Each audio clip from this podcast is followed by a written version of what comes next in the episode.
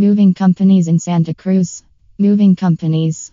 Professionals with you every step of the way. Moving is one of the most stressful things that a person can go through. It would be great to pack up your house and move to your new home with ease, but it does not always happen that way. That is where professional Santa Cruz moving companies come in. Professional movers are there every step of the way, ensuring that everything goes smoothly for you. Here are some of the step procedures that how moving companies in Santa Cruz professionals can help you. Hi, packing up your house.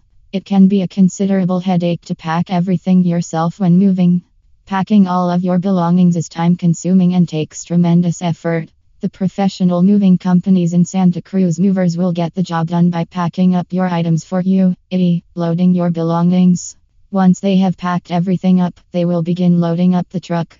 A truck requires for moving.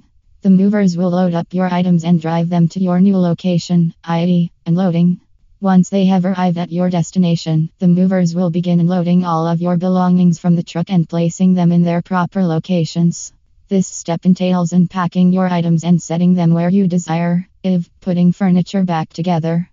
If your beds, couches, and other pieces of furniture require assembly, the professional moving company Santa Cruz Movers will assemble your furniture for you at no extra charge. V. Organizing. Organizing your belongings will make it easy to find what you are looking for without wasting time and energy while unpacking. Visit our website www.acemovingco.com.